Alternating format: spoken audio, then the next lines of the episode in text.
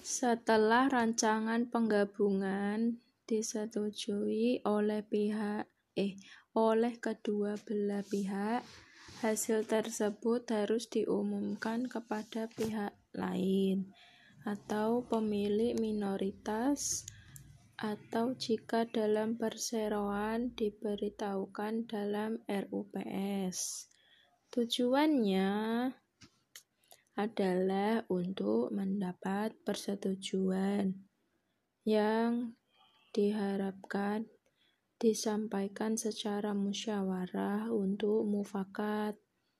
sebagaimana dinyatakan oleh Yahya Harahap yang mengatakan bahwa hasil yang dimaksud dengan musyawarah untuk mufakat adalah hasil apa